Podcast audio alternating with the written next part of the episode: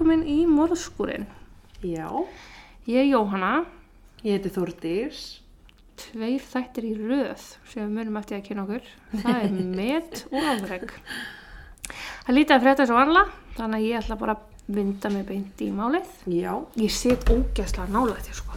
Þú er svona metir frá Nei, þetta er alveg, mér líður þessu svo starn í sálina eða eitthvað. uh, ég ætla að segja þér í dag frá Kristján Andriakjó og ég ætla ekki að endur taka eftir nafna hans. Veitu hvað sagður þau? Nei, ekki reyna það. Ég ætla að setja smá trigger warning á málið í ljósi þess að ég er að fjalla um sjálfsvíg. Já. Uh, já, en hann Kristján fættist þann 4. november árið 1992 og var sonur hjónuna Ray og Todd Andriakjó. Djöfullega. Hann ólst upp í Meridian í Mississippi í bandaríkunum við bara drauma aðstæður allra barna held ég í hálfgerðu sveitar umhverfi, nálat vatni og fekk mikið frelsi til að vaksa og dafna. Ok. Honum er líst sem uppátækisumum og kvatvísum ótrúlega vel liðnum strák. Hann var vinamargur og vinsæll og ofbóðslega elskar af fjölskyldunni sinni. Og hvað það var eitthvað líflega rithma, fjölskyldunni sinni. Hann talaði vist rosalega mikið, átti í engu vandræði með að nálgast fólk og spjalla við það, hikaði ekki við að standa upp og verja fjölskyldu og vini ef þess þurfti og mammonum, mammonum, og mamma, og mammans lýsir honum sem the life of the party. Hann hreinlega lýsti upp öll herbyggi sem hann gekk inn í með sjarma og lífsgleði. Bara svona og ég. Já, Mm. Sjarmi var svo mikill að háaldraða konur fóru bara hjá sér þegar hann tók sér til og blikkaði þær. Já, ok. Já. Alveg og ég. Já, nákvæmlega eins og þú. Mamma hans sagði að hann og bróðun hans Joss hefur fullkomna anstæður og það hefur verið mikið líf og fjör í kringu og hann, hann átti fleiri sískinni en ég nefni Joss hérna því að ég kem til að tala um hann aðeins Ok. í þættinum. En Kristján var algjör gaur, hann var mikið fyrir motorsport, fóreldrar hans buður hann að fá bíl í 16 ára ammæliskjöf en hann vildi miklu frekar eignast krossara og hafði ótrúlega gaman að öllu jaðarsporti. Hann leiti löngu stundum á vatninu nált heimilin hans á jetski og hann var mjög kræfur í sportinu og tala fjölskyldan hans um að hann hafi kannski verið full djarfur. Mm. Hann var allt óhrættur við að bruna áfram og gera alls konar vitleysu. Svo adrenalín fíkil. Algjör. Kristján eignaðist kærustu, Avery, og voru þau svona bara krútt par, þú veist, þau 15-16 ára, svakalega ástfangin. Hann var ótrúlega góð við hann og hann sá ekki sólina fyrir henni. Avery var samt anstæðan við Kristján, hún var mjög metnaðfullur nefandi, átti stór plön fyrir framtíðina og var mjög drefin að ná markmænum sínum, sem var bara, Kristján var ekki þar. Hann var bara svona námslega séð, bara nám, bara átti ekki við hann. Já. Nei, emitt. Þau voru mjög mikið svona yin og yang par, hann lyfti henni upp og hún dró hann aðeins niður á jörðina. Þú með orðaforðan. Herru, þú í gær, ég veit ekki hver skrifaði málið, sko. Það eina sem gekk svona upp og ofan í sambandinu var að Kristján var eins og ég talaði um svolítið life of the party en Eivir var það alls ekki. Mm Þannig að oft nefnt hún að dragast á eftir honum allt það sem hann var að fara að gera og fara. Það hefði orsakað svona nokkra daga break-up Já. hjá þeim gegnum tíðina. Eiviri tók skólanum mjög alvarlega og hann ekki eins mikið sem var svona álagsvaldur í þeirra sambandi. Þetta bara krakkar og Kristján ekkert með svona value of school, þú veist. Uh, metnar og, og áherslan hjá þeim var bara ekkert að sömu hlutunum. Þau höfðu nú haft þau plön að eyða bara allir æfinni saman en lífið þeirra stönguðu svolítið á þegar Kristján var farin að vinna næstu í 30 dagi burtu í senn og Eivri var að fyrir skóla til að vera dýralæknir. Hún var sérst að fara í college. Mm. En Kristján var heima í 15 daga eftir svona 30 daga tartnir og ætlaðist svolítið til að það væri bara fjör og gaman alla 15 dagana sem hann var heima en hún alltaf gæti ekkert gert það. Hún þurfti að sinna náminu og skólanum og lífinu sínu Já. og hann var svona kannski fann að vilja að hennar líf færi svolítið á hold á meðan hann væri heima og svo bara í fullri keislu þegar hann væri í burtu. Já. Og var því ákveðið að setja sambandi á svolítið hold og taka upp aftur síðar ef til þess kæmi. Þú Ok. veist bara ef að hlutir eru góðir, þá eru þau góðir. Yes, þau- þeir voru bara að gera sitt. Já, þau voru bara þú veist tvítug, bara, þú var 21 árs. Já. Það enda allt bara mjög vel á milli þeirra og þessi ákvörðin tekinni mikill vinátt og kærleika og þau held alltaf sambandi eftir að Eiveri var farin í háskóla og þau voru áfram mjög góða vinir og Kristján talaði um það við alla sem hann nefndi að hlusta að Eiveri væri bara hans eina rétta. Og þau myndu bara taka saman aftur sem allir voru bara já ok, veist, við trúum því alveg. Uh, vegna ást hans á vatni og sjó var hann ekki lengi að finna hvað sitt æfistarf ætti að vera og var hann komin langt á veg að markmiði sína að vera einna yngstu skipstjórum á svo kalluðu dráttabátum. Þetta eru svona bátar sem að draga oft stærri skip í hafnir Mm. en það gegna fleiri hlutur mann út í bandaríkjunum þá er það svona íta förmum á eftir sér eða á eftir sér, á undan sér niður the Mississippi River. Spennandi. Hann syndi næst efstu stöðu innan bátsins var yfirmaður allara nema skipstjóru síns og verandi bara 21 árs þótti þetta mjög tilkomi mikið. Yfirleitt voru þetta menn nær færtu sem voru að sinna svipur hlutarki þannig að hann var bara farin að meika verulega í lífinu. Hann þjána orðið mjög góða tekjur, átti tvo bíla, alltaf, hann átti alltaf spari fyrir og var alltaf með pening í veskinu og Ok, spennandi starf. já, fullt af pening allavega. Já.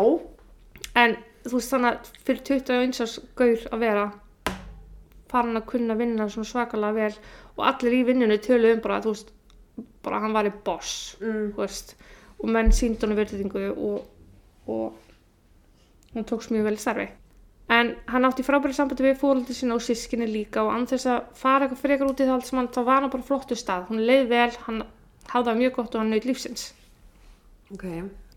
Hann var á þessu 30 daga í burtu, 15 daga heima fyrirkomulagi og hann naut þessar 15 daga í botni hvað skipti. Hann var að allan daginn, enda vinamargur og margað hitt og mikið að gera.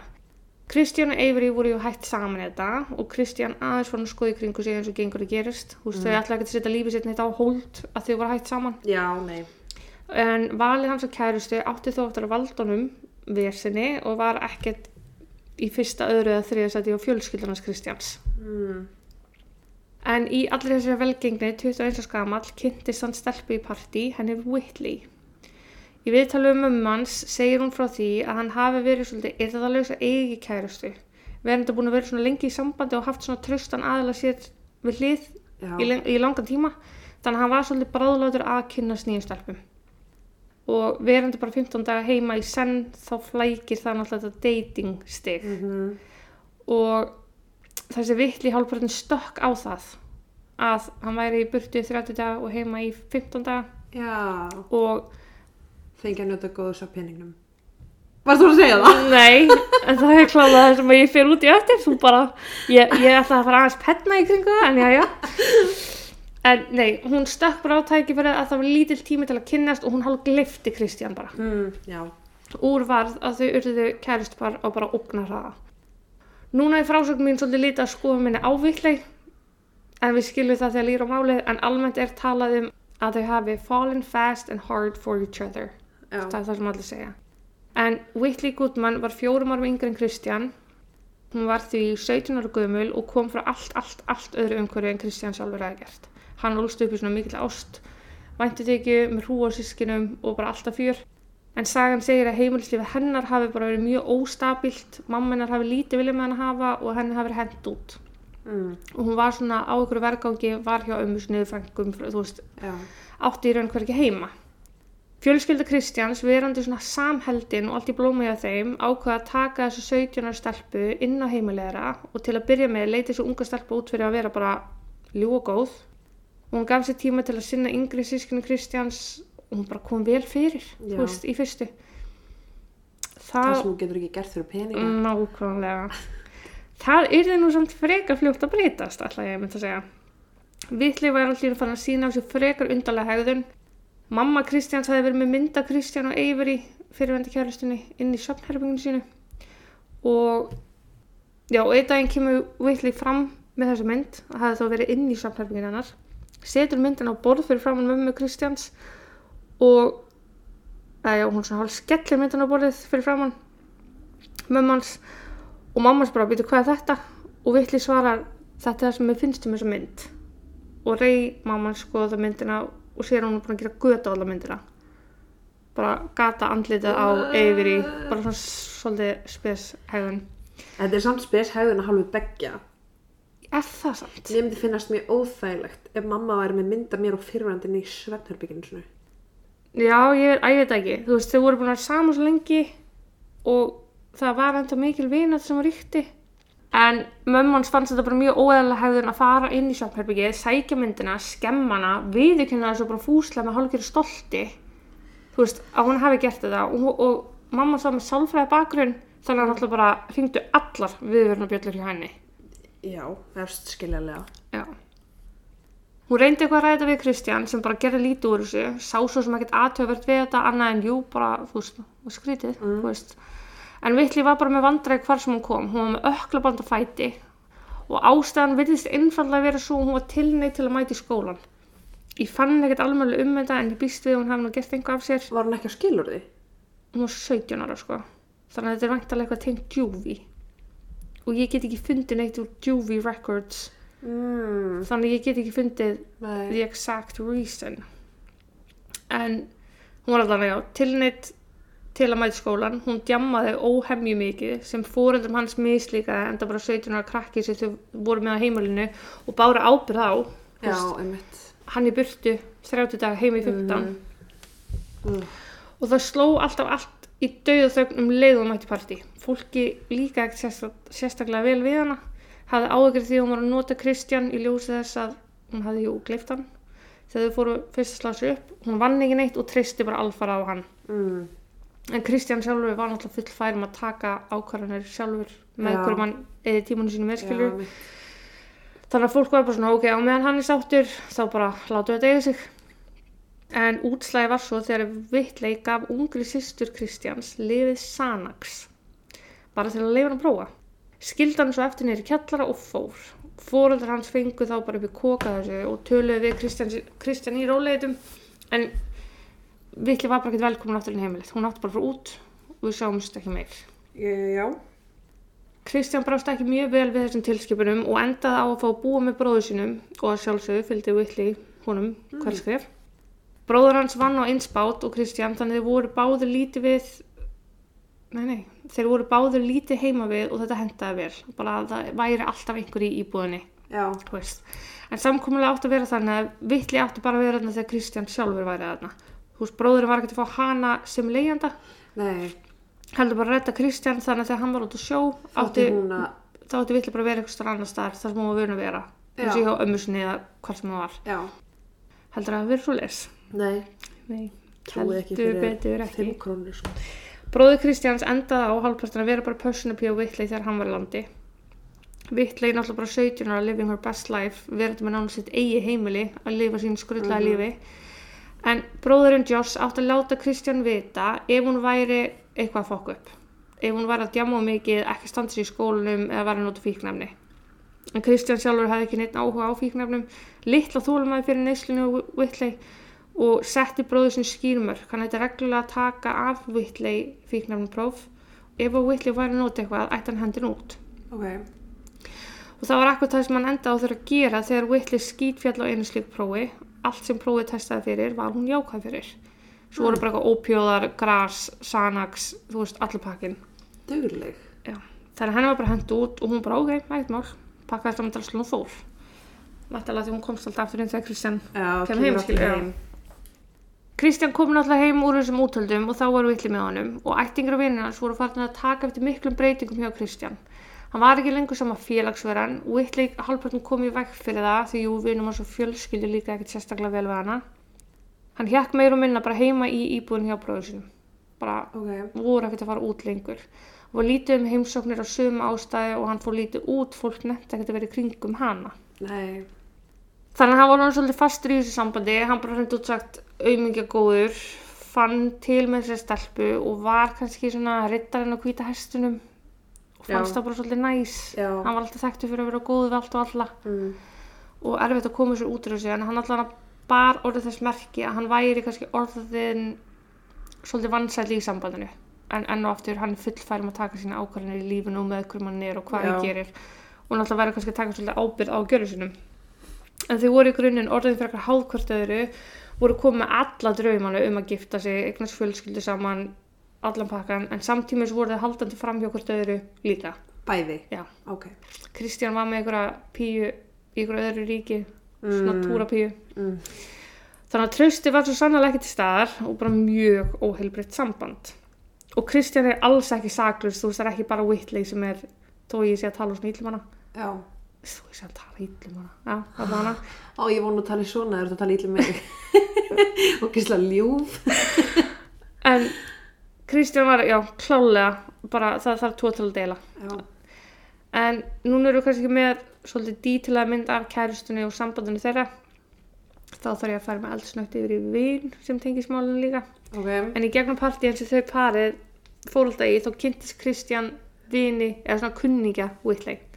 Dylan Swearinger Swearinger Swearingen Hann var svona eins og Whitley, hann djamaði mikið og var bara djöfisins vesen á honum. Ok. Hann hengdi svo á Kristján ásand Whitley. Kristján borgaði allt fyrir þau. Þau byggu bara orðið bæði heima hjá þeim bræðurum, eitt peningunum hans uh, meðan hann var á sjó líka. Þá voru þau bara með aðgang, aðgengi að peningunum þeirra. Peningum hans fyrir ekki. Um, hvort þeirra vann og þau voru bara að lifa geggjuðu lífi á kostna Kristjáns.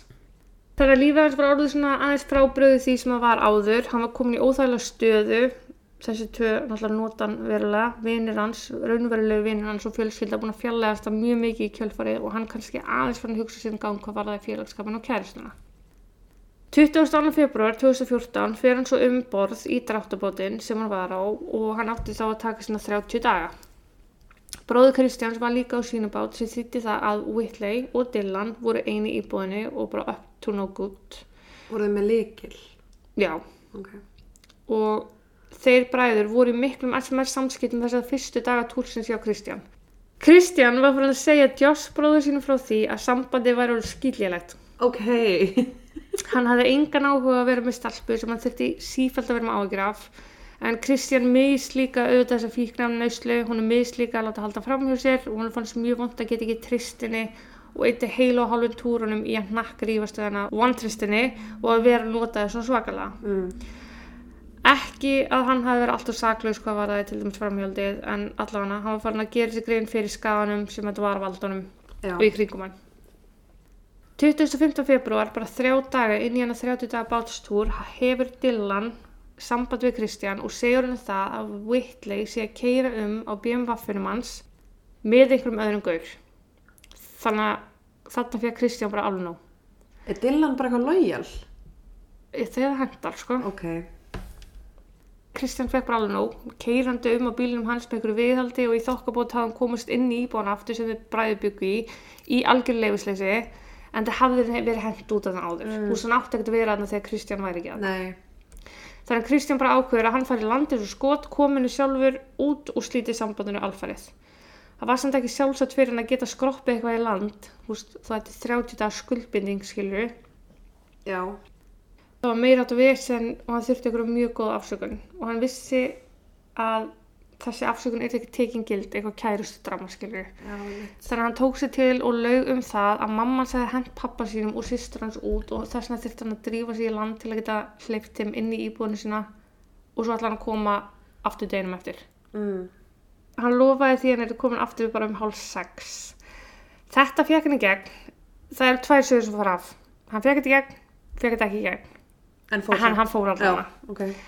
um, hann kom sér land í St. Rose í Louisiana fylki sem er rúmlega þryggja klukkusundar axilsfélagið frá Vicksburg í Mississippi þaðan sem hann skildi bílið sinna eftir þegar hann fór um í bátinn Já. Þannig að hann var bíllaus og þurfti að rætta því einhvern veginn hann marg reyndi að heyra í félagi sínum sem endanum svaraði og samþægt að keira hann til Meridian en þegar félagin var laður stað hafði Kristján sambandi við hann og sagði Dylan, góðvinnur hans, væri að koma að sækja sig til að keira sig íbúðina Þá hefði Kristján heyrt í honum um klukkan hálf tvö aðfærin á 27. februar og beði hann um að rætta sér. Og Dylan bara, já, ekki málmaður, ég er að koma. Ok. Þannig að hann var komið klukkan 8 morgunin þann 27. til St. Rose að sækja Kristján og þeir keira til Meridian og voru kominir í íbúðina um hálf 12. Nú þarf þetta að fylgjast vel með tímasetningum. Ok. Hálf tólf tólf. að kvöldi til. Nei, Ok. um mótni. Meira veitum ekki ferri Kristjáns en klukkan kortir í fimm sama dag ringi Dylan í neðalínuna og tilkynni það að Kristján hafi fyrirfælið sér. Hversu mörgu tíma sér? Þetta er hálf 12, halv Fimm. 1, halv 2, halv 3, halv 4, halv 5 þetta er 5, 5 tímar og korter Ok. en hann segir að hann hafi skotið sig í höfuðið í símtalinu er Dylan frekar órálegur eins og gefur að skilja og Whitley öskrandi og emjandi bakgrunn Neyðavörðurinn spyr hvort þau séu vissum að um sé að ræða sjálfsvík sem Dylan jánkar. Eftir að neyðavörðurinn spyr að öllu saman sem að skipta máli, er hann andandi, er hann meðutöld og svo framvegis, er þeim bara ráðlagt að snert ekki neitt og lauruglan mæti svo svæðið. Lauruglan mæti mjög seint að því að sjálfsögðu hefði Dylan tekist að gefa alveg kolrangt heimilsvang. Lauruglan eyðir heilum 45 minnum í að rannsaka vettvang án þess að hafa með sér einhverja tæknideild, taka myndar á farstíma og vinna þetta allt mjög illa og ganga bara út frá því að Kristján hafi fyrirfælt sér. Ég fer betur yfir þetta á eftir. Ok.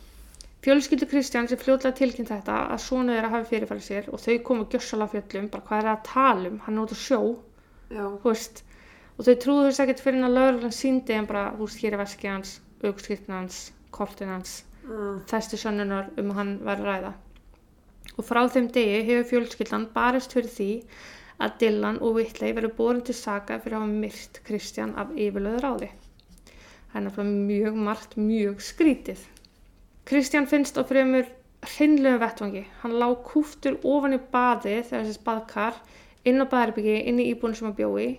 Hann var með skotsára höfði eftir 45 kalibrabissu sem er víst bara mjög kröftug bissa.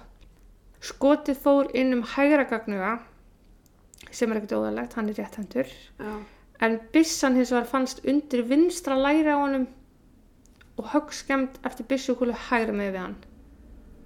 Ok, þannig að hún hefði átt að koma út vinstra megin. Hún hefði komið út vinstra megin Já. sem segir mann það að hann hefði í raun átt að snúa öfugt við hvernig hann fannst. Já. Þú snúar hægra hlýna á mig hérna en ef ég sným við þá hann hérna. Já, já, já, já.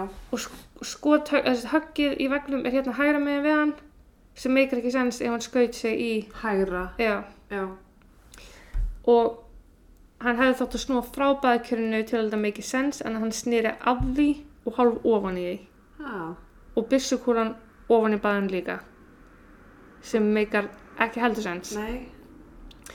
Vettvangur var furðulega hreitt, það var virkilega lítið af blóði nefnum bara ofan í baðinu sjálfu og þegar lögregla kom á vettvang var Kristján orðin stífari en hann hefði átt að vera ef Dylan hefði hringt strax og atviki gerðist. En það er fínt að taka það fram núna að Kristján er talin hafa látist um 15.30 eða hálf fjögur þann dag. Ah. Dylan og Whitley voru tekin til yfirherslu til að fá yfirlýsingar, þetta er svona volunteer statement Já.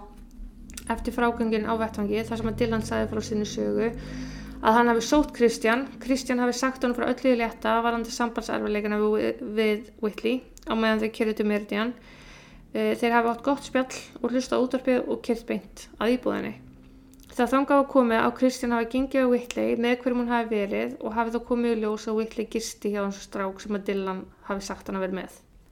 En hún sagðist ekki geta staðfest eða neita fyrir það að hafa gert eitthvað með þessu strák að því hún var búin að taka svo margar Xanax. Mm. Dylan segir uh, að hann sjálfur hafi farað að fyrirhæð íbúðurinnar á meðan þau rifust, Kristján og Whitley. Og hann hafi marg heyrt Kristján öskra á Whitley do you love me, do you love me Eftir nokkuð skiptað því á Kristján hafi tekið upp byssu og sett upp í höfuð á sér og öskrað á Whitley aftur og aftur do you love me Whitley hafi endað að segja bara já, já og gripið í byssuna og náði henni af honum uh, og eftir þetta áttu þau þrjú svo bara hafa sest í sófun og hort á mynd saman Ah. Popcorn líka. Já. Dylan segir hann hafi búið að sækja mat fyrir þau. Kristján hafi þegið það, látið hann fá kortið sitt og beðið hann um að sækja Chick-fil-A og fara í bankan svo og tæma debitreikningin hans. Og Kristján, þú hugsa fyrir öllu. Já. Þannig að Dylan hafi sótt matinn, farið svo í bankan og það er öfugt sko. Þannig að Dylan hafi sótt matinn, farið svo í bankan og reynt að tæma bankareikningi hans. Það var hann 12.30 þannig daginn, þannig að bara klukkutíma eftir að hann segir þá hafa komið í íbúðina Mm. og tæpum fjórum tímum áður en hann ringir í neðalínuna þannig að bara á þessum eina, bara millir 11.30 og 12.30 þegar hann er komin í bankan að þá sko hnakkrifast þau, byssaði tekinu upp og þau horfðu sjórfið. Já. Það svolítið mikið sem er að gerast á klukktíma. Einmitt. Dylan gæti ekki tæmt reikningin, bankareikningin, af því að hann var ekki með viðeigandi upplýsingar, Ó. til dæmis eins og pinnúmur hans Mm. og þess vegna tókst hann það ekki. Hann segist hafa komið tilbaka frá þessu bankamissjoni þegar hafa hort á eitthvað meira á sjóarpið og svo hafi Kristján og Whitley ákveða að fara út og aðspurði söðust að taka smá rúnt. Hann hafa svo lagt sig á meðan, vaknað tveimur tíma setna og þá hafi Whitley verið sofandi og Kristján reykjandi síkart á sófunum. Dylan segist að beða hann um að koma með sér út í Best Buy að kíkja okkur hátalara og Kristján hafi afþakka bóðið. Dylan segist að fali byssinu fyrir en daginn þegar Kristján átti að hafa sett hann upp á höfðun á sér og áður en hann fer út í Best Buy hafa hann náði byssuna af félagstafanum og sagt til Kristján hann hafi hagað sér rosalega bara undarlega og óhugnulega hérna rétt áður og baði hann í guðanabænum og snert ekki byssuna aftur. En náðu samt í hana. Náði hana og kom hann fyrir og sett hann borðið fyrir framann og bara hei, ekki gera neitt heimskulegt en hann var að reyna þú veist allana What? hann hafði svo skroppið í Best Buy, komið heim Whitley enda sofandi og Kristján hver ekki sjáanlegur hann tók eftir því að baðherbygsljósin væri kveikt þannig að hann gerði ráð fyrir því að hann væri bara styrtu hann bankaði og spurði hvort það var lægi með hann og fekk ekkert svar þannig að hann ætlaði að sækja Whitley inn í herbyggi en hún hefði kert sem að vakna og fór því bara aftur að sofa. Hmm. Dylan fór aftur að baðherbygginu, bankaði aftur, fekk ekki neitt svar og hafði því gengið inn þar sem hann kom að Kristján sem fyrir sæði með skotsar í höfði og kúftur ofan í bað, baðkerfinu. Og hann hafði öskrað Whitley, Kristján is dead. Þannig að sko, það er nokkuð, ég verð bara, ég verð að nefna það núna ef við, myndum búa saman og þú myndir alltaf banka á baðherbyggshurðina því ég er styrtu til að aðtöku hvort ég var lægi Ég myndi lemja ég myndi henda þér út sko. Já. Og svo- já. er þetta ekki skrítið? Ég er líka bara, ef þú heldur eitthvað sér sturt en þú heyrir ekki í veist, má ég skíti fyrir þið? Já, einmitt. Þetta er mjög skrítið, sko. Allana, frásögn Whitley af deginum var þannig að Kristján átti að hafa hægt að tala við hana í tvo daga þegar hann fór út sjó. Hann hafi svo frétt af því að Whitley hefði farið í partí, þannig að hann hafi sendt henni SMS 25. februar um að hún finnist frekar að hún ætti að vera heima að sakna hans frekar en að hanga í einhverju partíi. Hann hafi tekið ákvörðunum að hætti í vinnunni og hann væri að koma heim. Hún hafi sagt að þau getur rætt þetta allt saman, þau þurft að vinna í mörgu í sambandinu til að þetta myndi virka. Og þegar hann hafi komið heim var allt eins og Dylan hafi sagt frá og á rúndinu sem þau fóru hafi þau talað um að Kristján liði eins og hann væri ekki nóg góður og hann gæti ekki bæði verið með mömmu sinna ánaða og Whitley ánaða á saman tíma. Mm. Þau hafi svo bara farið aftur heim og því fór sem fór. Hún kom að ástinni í lífi sinni í grúfu, hálfur ofin í baðkeri, út af Mm. þær blóði. Uh, hún bar fyrir sér sanagsneislu þegar hún var aðspurð, nei þegar hún var spurð á því hvernig stæða því og hún hafi ekki vaknað við Kristján skjóta úr byssunni. Einmitt, þetta er einhver riffill. Já. Og það er bara hægt að staðfesta úr frásögn þegar tveggja að Dylan fór í bankan 12.29 eða 12.30 og hann var á Chick-fil-A klukkan 13.06. Það er öfugt. Já, auðvitað það sem hann sagði í yfirlýstunni en þetta er svona minor detail. Ég er líka bara, uh, ef þú átt að tæma bankareikningi á okkur, ferð ekki pinnúmerið hjá lífandi manneskinni Mm sem að réttiði kortið. Ég haldið það sko. Ég held það líka. Nákvæmlega. Það er ekkert að staðfesta að Kristján og Whitley hafa farið rúndinn og það er ekkert að staðfesta að Dylan fór í Best Buy. Hreinlega því að lauruglan fór ekki þangað til að staðfesta þessa fjárvæstusönnun. Mm. Fjárvæstusönnun Whitley er náttúrulega bara að hún var steinsofandi þegar Kristján á að hafa fyrirfæri sér. Mm. Laurugla og krupningalæknir staðfesta atviki strax sem sjálfsvík og því engin rannsókn annað en þessar yfirlýsingar þeirra takja. Þú veist, það er bara tekið Bara segjum hvað gerðist og Búið, bless. já. Fóreldar Kristjáns tóku þetta ekki mál, bara ekki séns. Kristján hafði talað um mömmu sinna fyrir morgunin.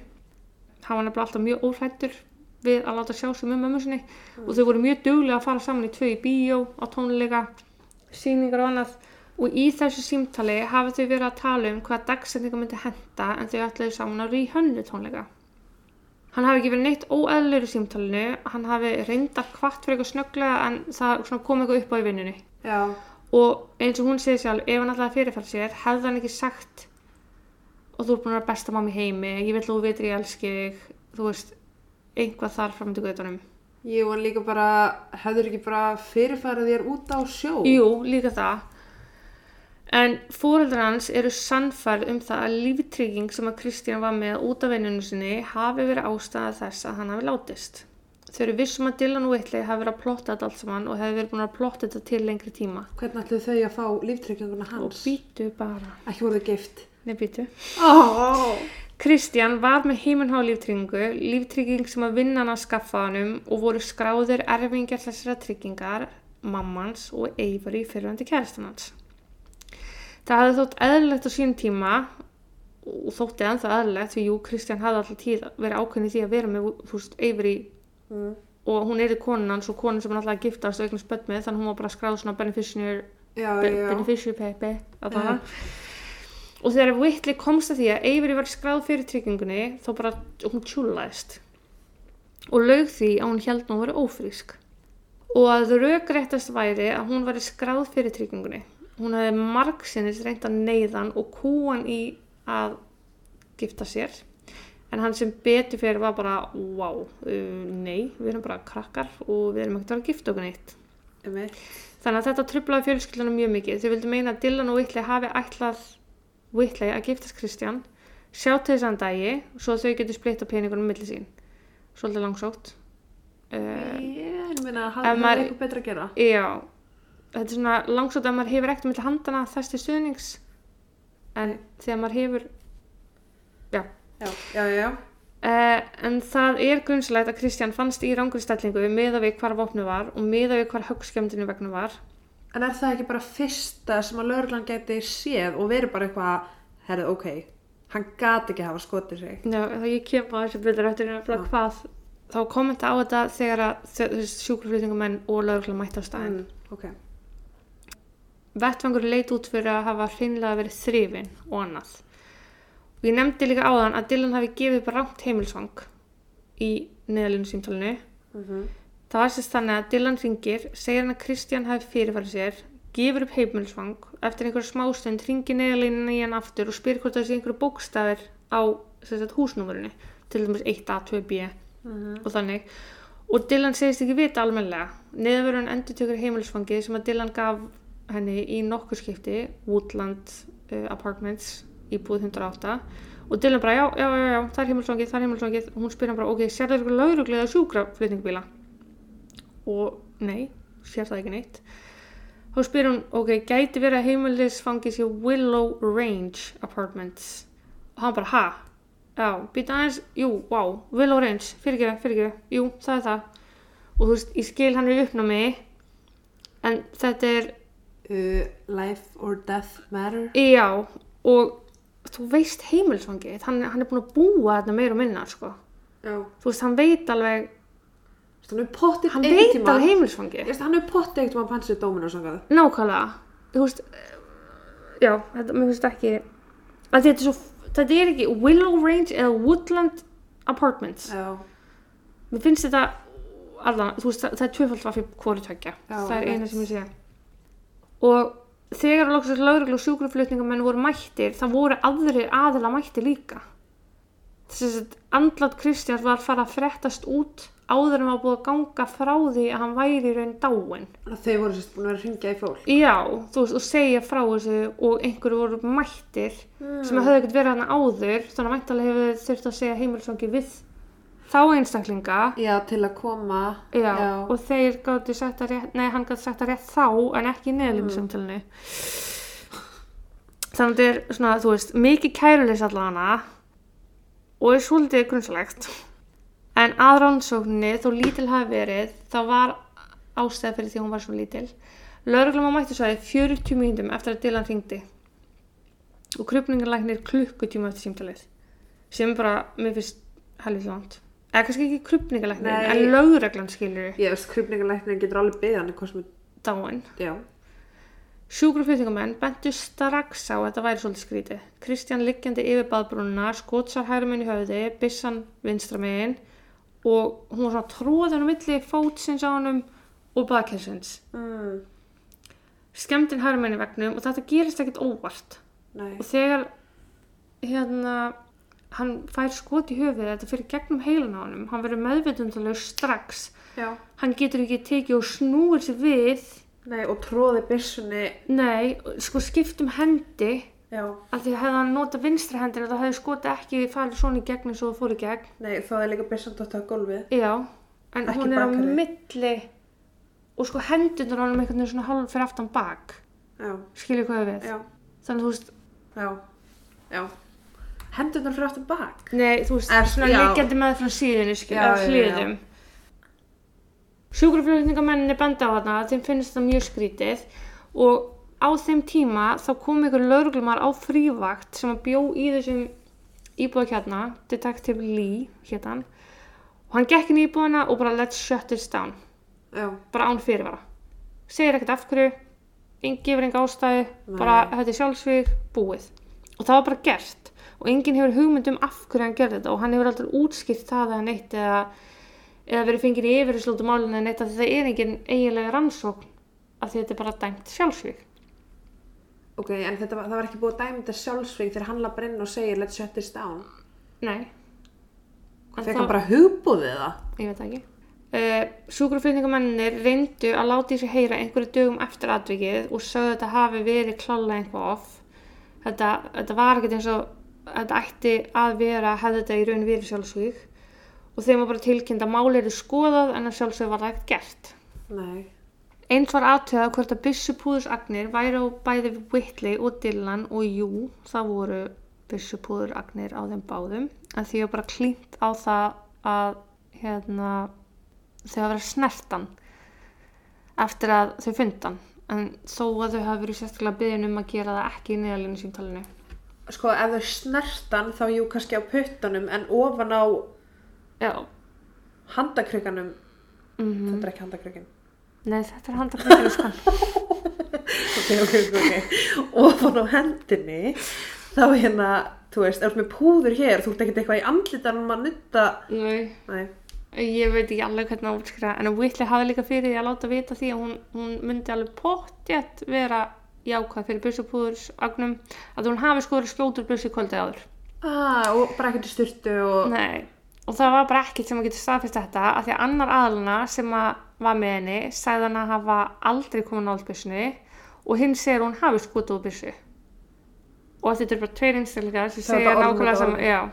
Oh, Móðubróður Kristjáns fekk það hlutverk að ná persónlegum eigum Kristjáns frá lauruglu, til dæmis síman hans og bílekla.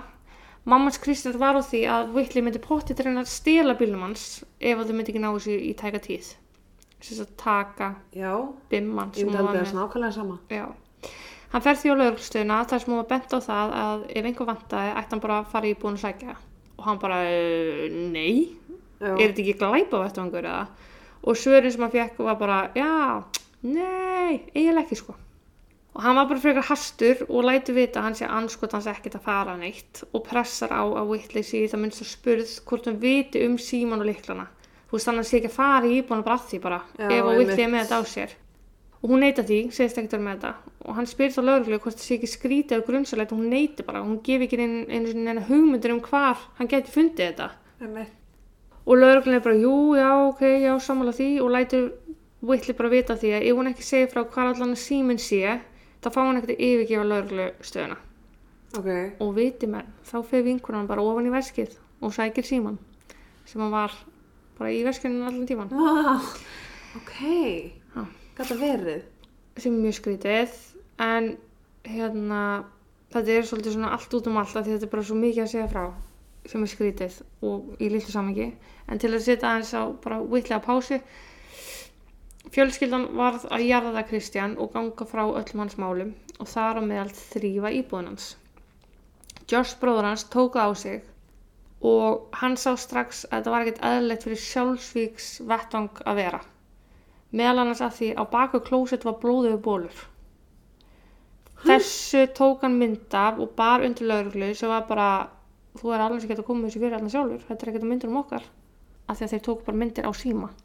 Og rannsókn var stöðun alltaf bara áður með eitthvað Ah. klárað einhvað hann fann líka hníf sem hann fannst lítið út fyrir að hafa verið með blóði á og samvinsku samlega skila hann þessu til lauruglu en þetta er hvergi nefnt í neinu skýslum þannig að lauruglan gerði nákvæmlega ekkert við þessu gögn Farsimi Kristjáns var skoðaður og það var alveg klálega skilabóð í hann sem vögt áhugjur. Mörg þeirra sögðu til um að Kristján hafi talað um að vilja fyrirfæra sér.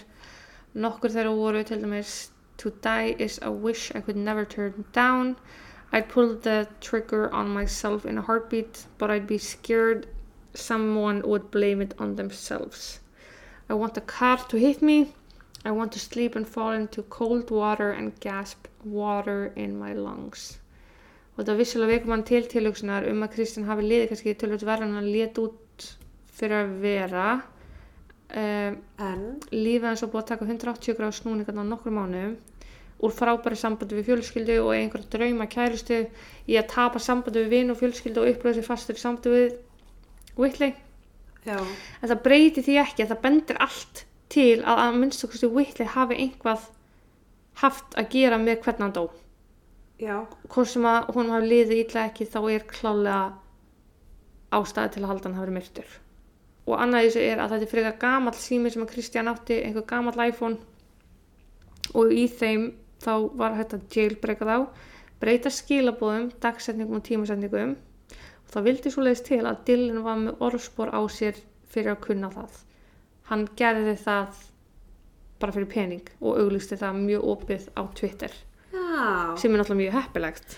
Mjög, Þannig að allt, bókstala allt, bendi til þess að andlat Kristjáns hafi verið morð en lauruglun hefur enga samstarfsvilja sínt.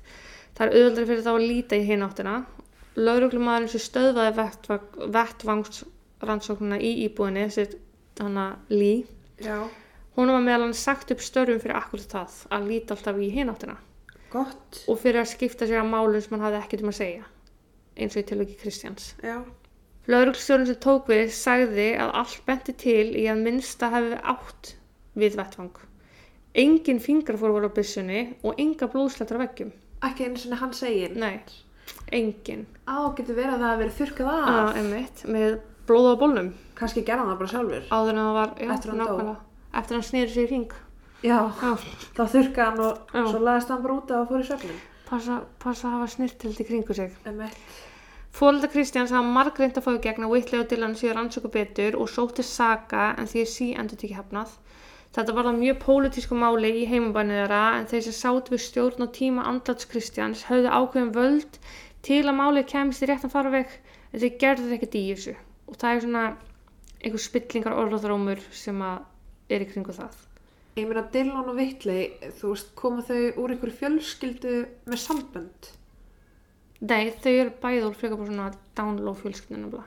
Já, en það hefur ekkert verið ástæð til að kanna neitt af því að því það er ekki rannsókn skiljur já, sem að myndi náttúrulega bara gaggrina laurugluna. já en þessi lauruglstjóri sem tók við málinu setti lauruglumann að nafni J.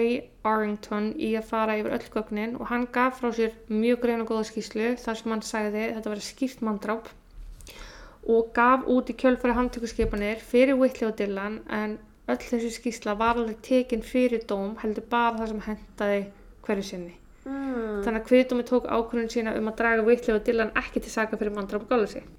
Mandrapa gális, mandrapa ásetning. Já, það er það náttúrulega, en mandrap og gáleysi var svona the easy way að komast, sérst, að geta neltu fyrir einhver skiljuru og það kom svo bara í ljós tiltölulega nýlega að það hafi ekki verið öll þessi skýsla sérst, sínt og það var talað við kviðdómendur sem er það, Bara kviðdóm. já, sem allir sögðu að hefðu þeir haft þessi gögn í höndunum þá, það hefðu þeir ekki dæmt í þessu eins og þeir gerðu. Að þeir hefðu þá séð ástæði til að rannsaka máli betur. Hefðu þeir verið með alla skýsluna frá þessum manni frá þessum lögreglumanni sem að fóru yfir allt saman. Ok, en hver, þú veist, hver valdi bara hvað má vera og hvað ekki? Það er mjög góð spurning veist, ég myndi halda að ákæruvaldið myndi leggja allir þessu gögn fram. Þú getur ekki bara sagt nei við þau en já við. Nei, að þetta tengist eitthvað sem, veist, mammans Kristjáns talar um, það er heilt myndbandu en það sem hún er að berjast við, sagt, hún er bara, hún er eitthvað, hún er að hjálpa einhverjum aðeins að bjóða sér fram í svona sveitarstjórn eða bæjarstjórn eða eitthvað svo leis, sem að getur aðstofan að koma þessu í ferli. Já, Og það gengur svo ekki eftir og viðkomendur endurkjörin já, sem er í rauninni ástæða þess að ekkert af þessu kemst neitt áfram í kerfinu. nei.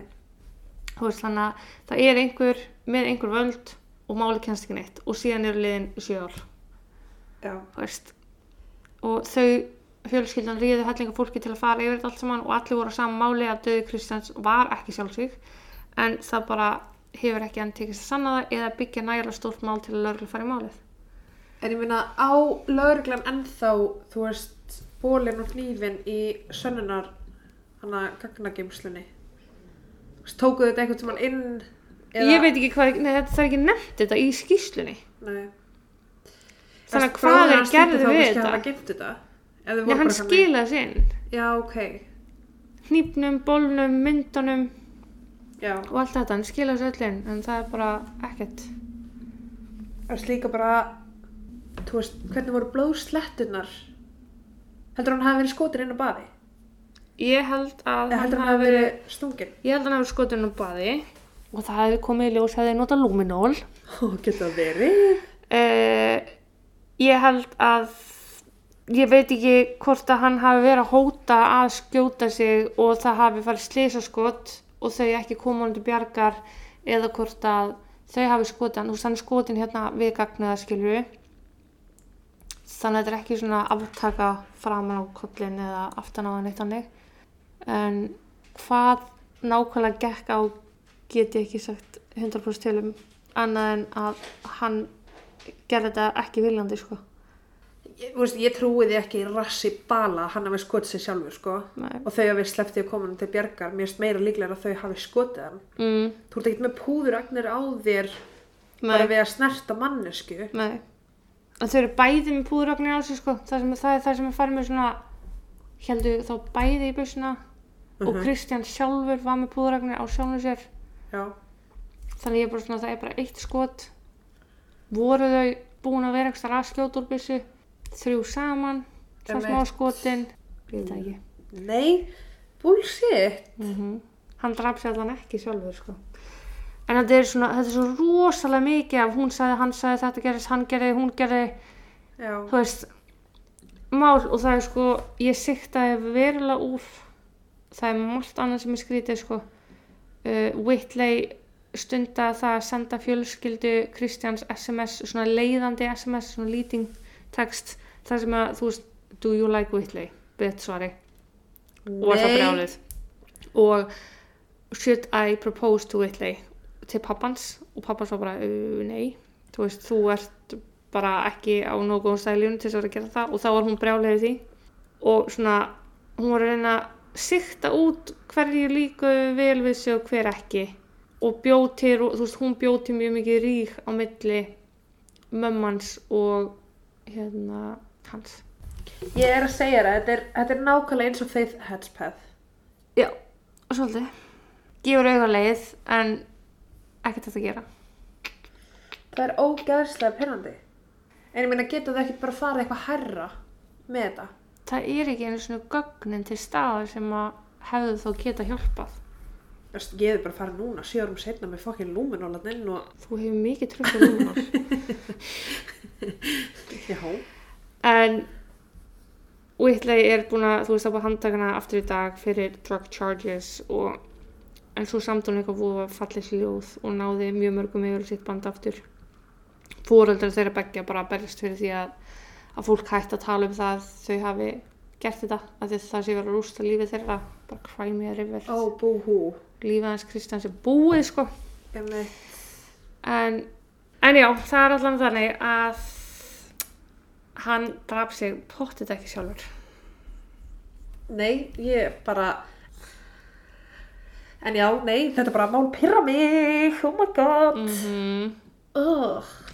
Þú veist, mér finnst ekkert eitthvað ólíklegt að hann hafi þrátt fyrir að hann hafi kannski verið hamingsamur og leið vel, þú veist, þú serði ekkert alltaf merki Nei. og þar lendi er ekki segja mér ólíklegt að svona manneski sem líður vel geti gert svona hluta því maður veit bara aldrei hvað fólk er í gangi í gegnum Nei. en það sem ég finnst skrítið við þetta ástæðan fyrir ég held að hann ekki gert það sjálfur er út af því hvernig hann fannst og hvernig vettfangur var Já, og hegðun þeirra og tveggja. hefðu þeirra tveggja og allt í kringum þetta veist það bara svona what Já.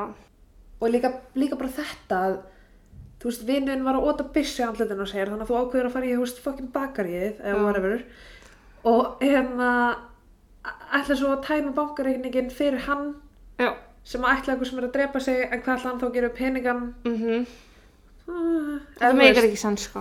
og líka bara ef hann hefði byggð þig ef þú myndir byggja með hann að fara að tæma bankareikningin þú veist, ég myndi fyrst aðtöða hvort þú varum að hýta Já, sko, af því hann ætlaði að gefa honum peningin. Hann vildi gefa honum peningin. já, Já. en hvað þú veist, hann sendi hann bara í fíluferð Mm. er þið brjáluð og Til þess að gera ekki neitt, af því hann kemur tilbaka úr þeirri ferð, þá eru þau bara, þú veist, útlega í sofandi, og hann döður? Nei, Já. það var eftir hann fór, sérst, hann kemur heim úr þessu bankaferð, já, þau fara út á rúndin, kjælsparið, koma tilbaka og þegar hann vaknar, Dylan, Dylan sérst, á með þau voru úti á þessu rúndi, þegar hann vaknar er Whitley sofandi, Kristján er ekki síkartu og það er þá sem hann sækir byssuna, lætur hann fá hana, ekki gera neitt heimskulegt, fer út í Best Buy, kemur aftur heim og þá er Whitley sofandi ennþá og Kristján búin að fyrirbæra sér. oh. ég meina líka bara og blóðið í bólurinn Megar engan sæðis, á baku klósett. ég veist, og líka af hverju var ekki bara aðtöða hvaða blóð þetta er ef að þau voru eitthvað þú er alveg geta sett það sjálfur Já. hann er aldrei geta sett svona blóðið um ból á bróðusunum sem er búið að fjarlæga Tveimu vikum eftir, sko. já, þannig að veist, ef að, ef að blóðið hefði verið af honum eða kannski að hann hefði tekið nýjum og stungið Já. í því það var ekkert aðtöðu þau, þau geta vel verið haft, verið, með eitthvað áverka. ég er að segja það. Uh, nei, þetta er bara pyrrandi mál. Við getum rætt það fram og tilbaka, það er rétt. En það er hérna, já, umulegt það er svona, sko, þegar það er klínt á sjálfsvík og fjölskyldan getur ekki fengið ró, bara ok, þú veist, sætt sig við að hann hafi fyrirfært sér, eða tækla það að einhver hafi, skilur oh. En þetta er óbúslega nýður trefandi umræfni. Ég ætla að þakka fyrir mig í dag og við sjáumst þér. ég við gerum það Við heyrumst þér. já, Takk og bless. takk og bless